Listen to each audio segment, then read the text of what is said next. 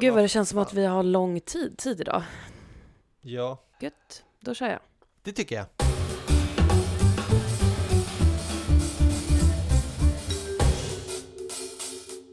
Varmt välkomna till Juristerna svarar. Det här är Företagarnas podcast där du som lyssnar ska få tips, svar och råd som hjälper dig i din företagarvardag. I dagens avsnitt så ska vi prata om styrelseledamöters eh, personliga betalningsansvar. Men innan vi, vi går in på det så ska vi säga så här att jag heter ju fortfarande Oksana Ekemenko Och jag heter fortfarande Hampus Löfstedt. och vi arbetar fortfarande i Företagarnas juridiska rådgivning. Välkomna till podden! Välkomna! Ja, då var det dags för ännu en case-onsdag Hampus, men idag så ska vi göra det lite annorlunda än vad vi gjort tidigare, eller hur?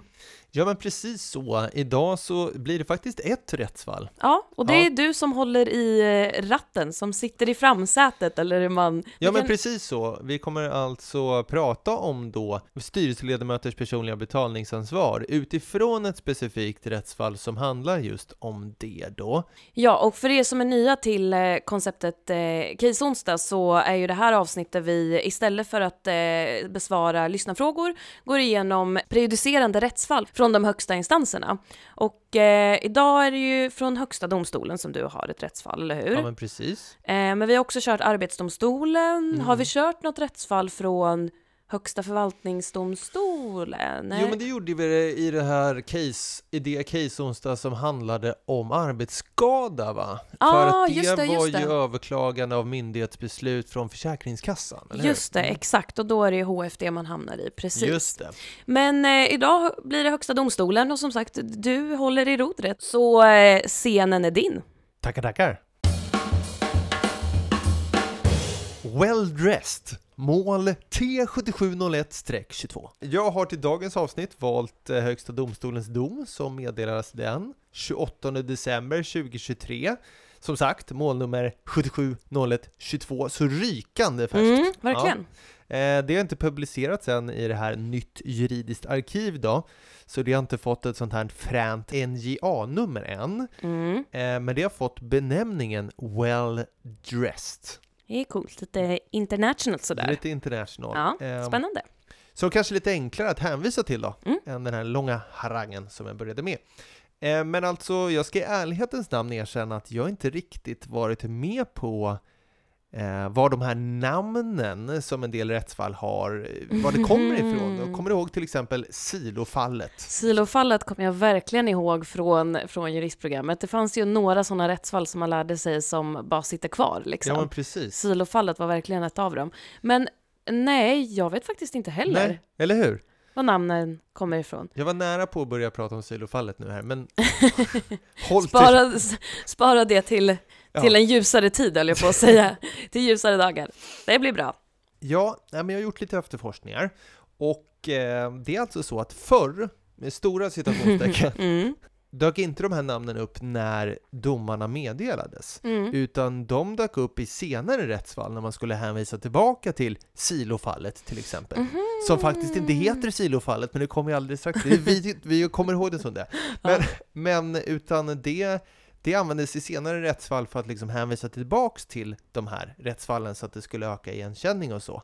Och sen så spreds de ju såklart i litteratur och ute på lärosäten. Men nu är det faktiskt så att sedan 2017 så ger då Högsta domstolen eh, direkt rättsfallen benämningar som då eh, det här well dressed, som liksom fungerar som arbetsnamn för dem. Eh, är det inte härligt? Jo, men verkligen. Alltså, det är ju mycket, mycket enklare att hänvisa tillbaka till ett namn sådär än, än en massa siffror. Sen är det ju också enkelt när man liksom vill prata rättsfall, ja, vid kaffemaskinen, på, på efterfesten och sådana saker. Det är mycket enklare att bara säga silofallet då, än, än någon massa siffror. Eller? Ja men precis. Och för den som inte har något för sig så kan jag rekommendera att hoppa in på Högsta domstolens hemsida där det finns en lista på då domar bredvid de här benämningarna. Och då kan jag berätta för dig och lyssnarna att det är någon finurlig typ som absolut har en förkärlek för så kallade allitterationer på Högsta Mhm. domstolen.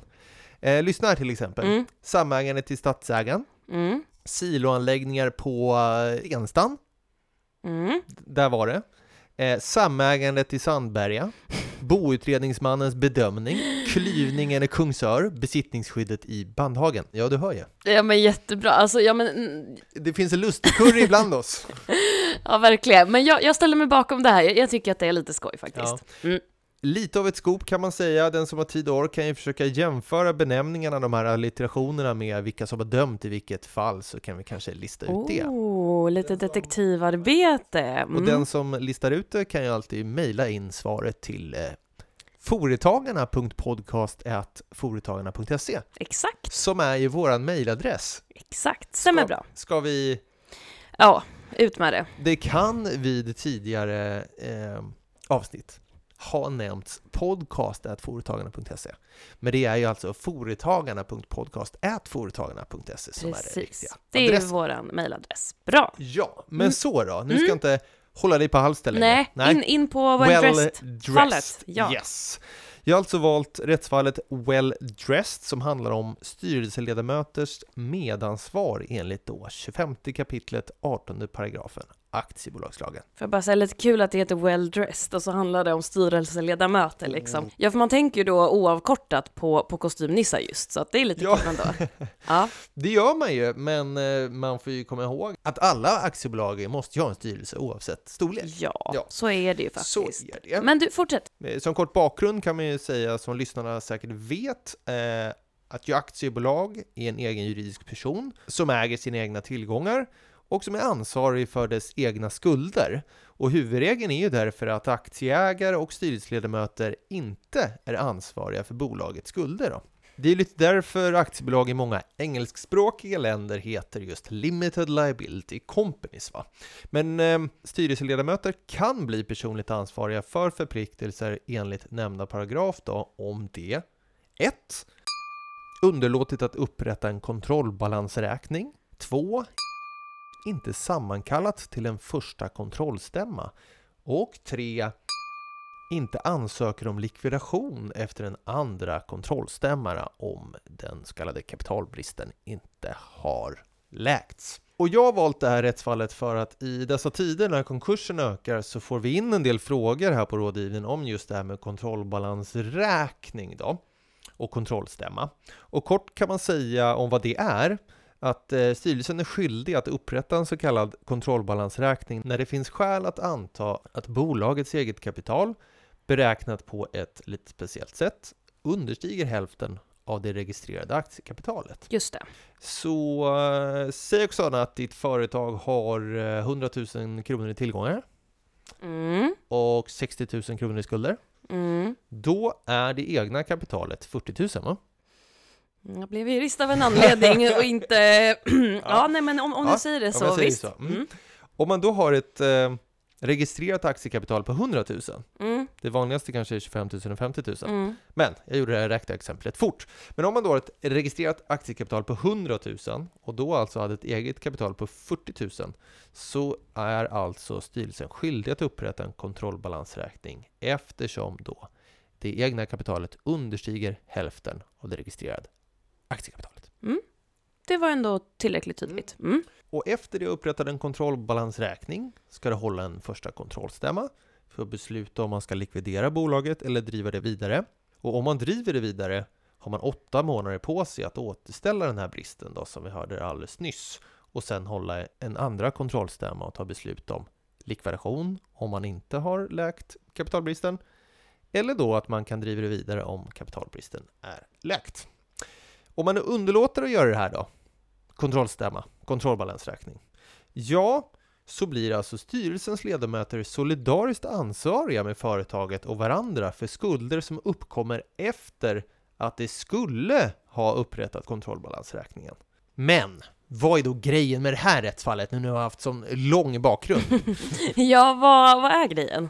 Jo, grejen med det här rättsfallet är ju förutom då att eh, två styrelseledamöter här eh, i företaget Well Dressed Helsingborg AB, som man kommer kalla för Well Dressed, och när jag hänvisar till styrelseledamöterna, blivit stämda av fordringsägarna Branting Ware Group AB och Copenhagen Jade AS eh, för skulder som uppkommit efter att styrelseledamöterna skulle ha upprättat en kontrollbalansräkning. Well Dressed gick nämligen i konkurs och då fick de här fordringsägarna Branting och Jade eh, inte full täckning i konkursen då. Och det blir då spännande att titta på när som kontrollbalansräkningen skulle ha gjorts. Mm.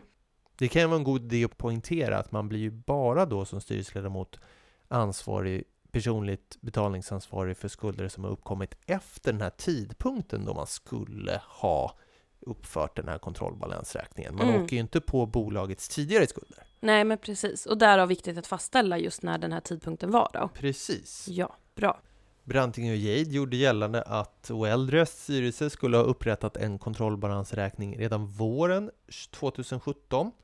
Eh, De gick nämligen i konkurs i augusti 2018 då. Mm. Eftersom de menade att det vid våren 2017 fanns skäl att anta att bolagets eget kapital understeg hälften av det registrerade aktiekapitalet.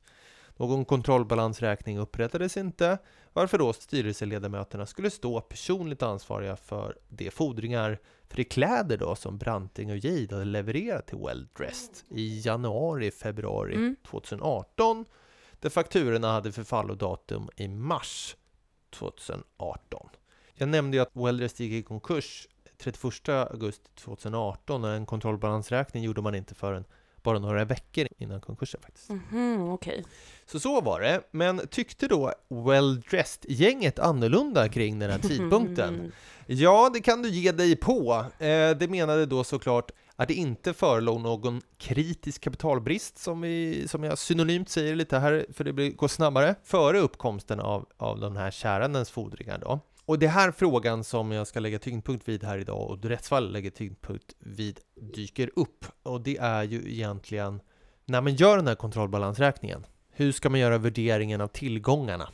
Det är nämligen så att vid kontrollbalansräkning så får man ta upp varulager eller omsättningstillgångar till vad man kallar för nettoförsäljningsvärde. Alltså värdet på alla kläder i lagret får beräknas för man kan sälja kläderna för eh, minus om det finns specifika kostnader att avyttra lagret för. Eh, och det här låter ju kanske intressant för en bråkdel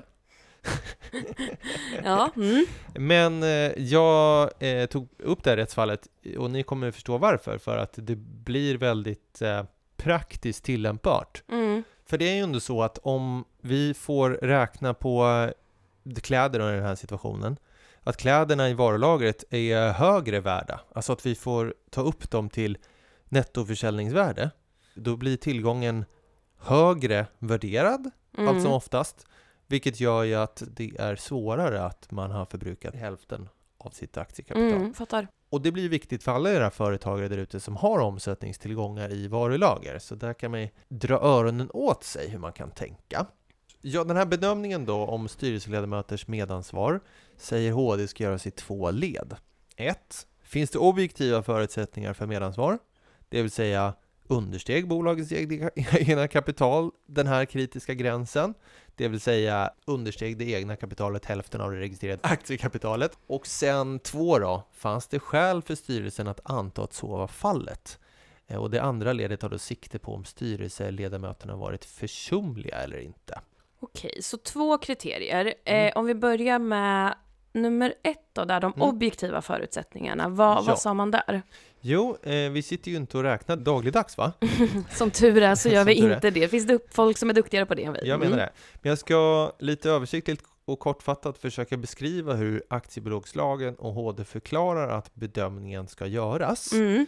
Eh, och som utgångspunkt ska kontrollbalansräkning upprättas enligt tillämplig lag om årsredovisning. Och som sagt, det finns nog många lyssnare där ute som kan det här bättre än jag. Men, och det innebär då att kontrollbalansräkningen ska upprättas i enlighet med god redovisningssed. Va? Mm. Och ordinarie redovisning ska göras utifrån den så kallade fortlevnadsprincipen. Och det innebär att det är förutsatt att bolaget ska bedriva sin verksamhet. Och som regel ska även den användas när kontrollbalansräkning ska upprättas. Och det innebär att tillgångarna tas upp till ett högre värde än när till exempel ett bolag ska avvecklas genom likvidation eller konkurs. Då tas de upp till ett lägre värde genom någon annan princip. Det finns dock för att undvika att i och för sig livsdugliga bolag tvingas till åtgärder för att avveckla verksamheten Eh, alltså det här med att hålla på med kontrollbalansräkning Mm, och mm. likvidation och så. Då.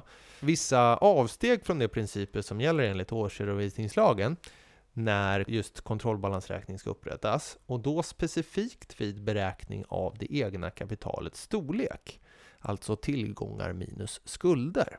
Och ett sådant avsteg är att tillgångar får redovisas till nettoförsäljningsvärdet som jag var inne på där innan. Annars ska omsättningstillgångar som ju kläder är i den här situationen i lagret värderas till det värde som är lägst av det man köper in det för, anskaffningsvärdet och nettoförsäljningsvärdet. Enligt Bokföringsnämndens allmänna råd om årsredovisning för mindre företag avses med försäljningsvärde det pris som varan kan säljas för enligt villkor för den normala verksamheten.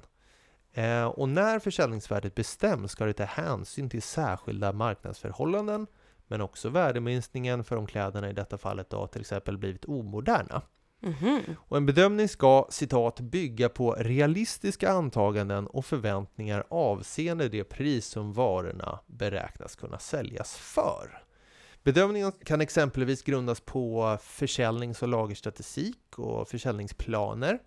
Eh, sen nämnde jag förut att avdrag ska göras för sådana kostnader som direkt kan hänföras till försäljningstransaktionen, till exempel fraktkostnader, varurabatter, bonus och provision. Då. Men man brukar liksom inte räkna med de här övergripande kostnaderna som lokal och, och löner, om det Mm, då inte mm. är specifik provision.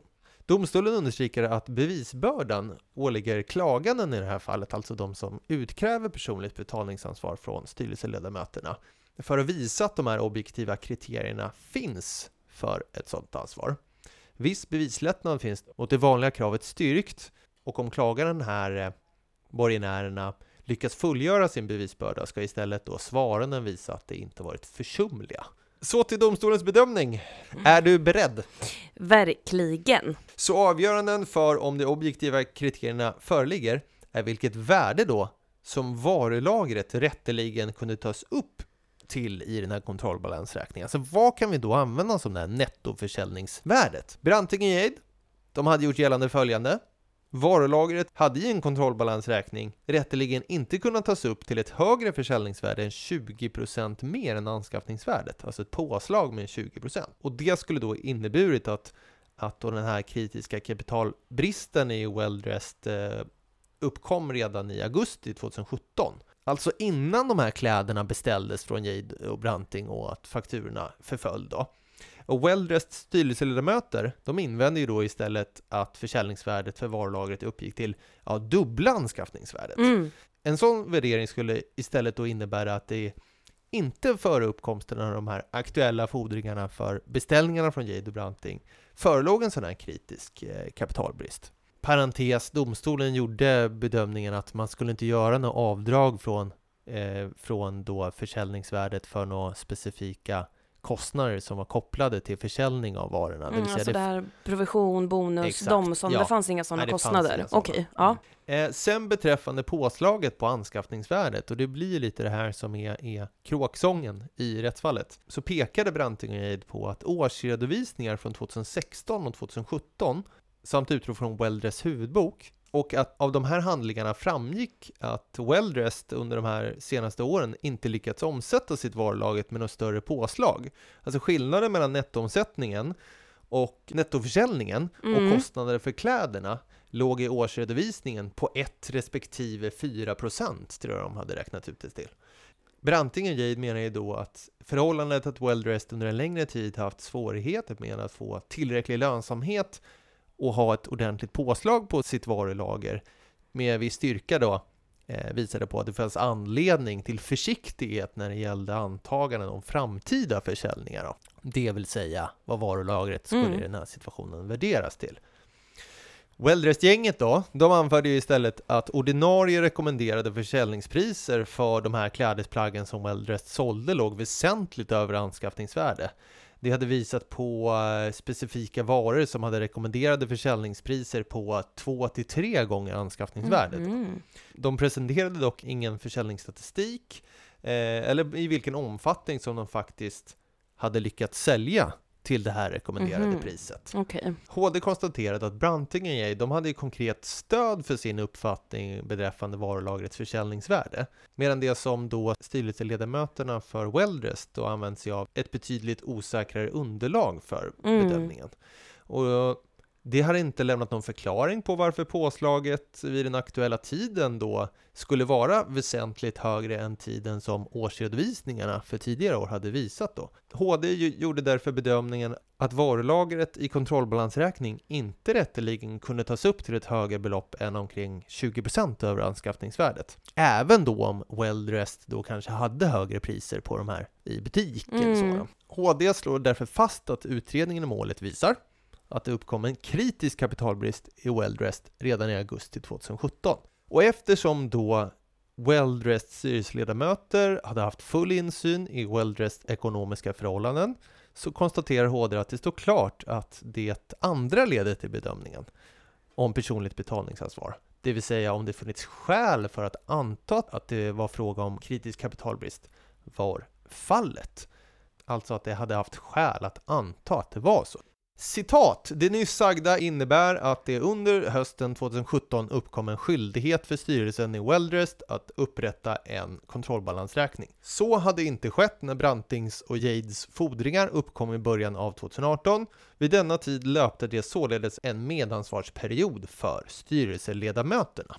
Styrelsen för Weldrest hade inte visat att de inte varit försumliga inte heller kunde utredningen i målet visa att Branting förstått Weldrest ekonomiska situation så att det hade saknat rätt att påtala pe- personligt betalningsansvar.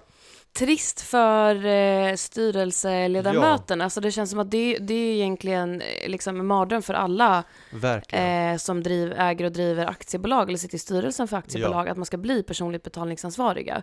Mm. Men jag tycker att, ja, eller, eller börja du, vad, vad tycker du vi ska ta med oss av det här fallet? Ja, nej, men det här rättsfallet är ju en bra beskrivning på hur man kan tänka när det gäller att värdera omsättningstillgångar när man som styrelseledamot, företagare ska ta ställning till om det egna kapitalet understiger hälften av det registrerade aktiekapitalet. Man kanske inte ska räkna på en förhoppning utan man ska Mm. snarare tänka sig en rimlighet då. Mm. Om det de senaste åren inte kunnat sälja sina kläder i det här fallet för rekommenderat pris så är det inte heller rimligt att använda sig av det värdet som nettoförsäljningsvärde i den här Nej, kontrollbalansräkningen. nej men precis. Eh, en rimlig bedömning av vilket påslag man faktiskt kan göra ska, ska istället användas då. Så se till att hålla koll på räkenskaperna, var försiktiga med allt för höga värderingar och eh, upprätta kontrollbalansräkning och håll kontrollstämba för att undvika personligt betalningsansvar. Och om man ska eh, avsluta på en positiv ton så är ju så att huvudregeln är att man inte är personligt betalningsansvarig för sitt aktiebolags skulder. Och ser man till att följa de här reglerna så ser man också till att huvudregeln fortfarande gäller. Ja, bra knut på säcken eller på Ja. att säga. Ja, och som medlem i Företagarna kan du utan kostnad ringa till oss och våra kollegor på den juridiska rådgivningen och få personlig hjälp. Du når oss på telefon 0771 45 45 45. Klippningen den är gjord av Petra Chu och producenten är David Hagen. Om du har några frågor till podden så skicka in dina frågor till foretagarna.podcast.foretagarna.se foretagarna.podcast.foretagarna.se Och vi, vi hörs igen om två veckor. Tack för att ni har lyssnat. Hej då! Hej då!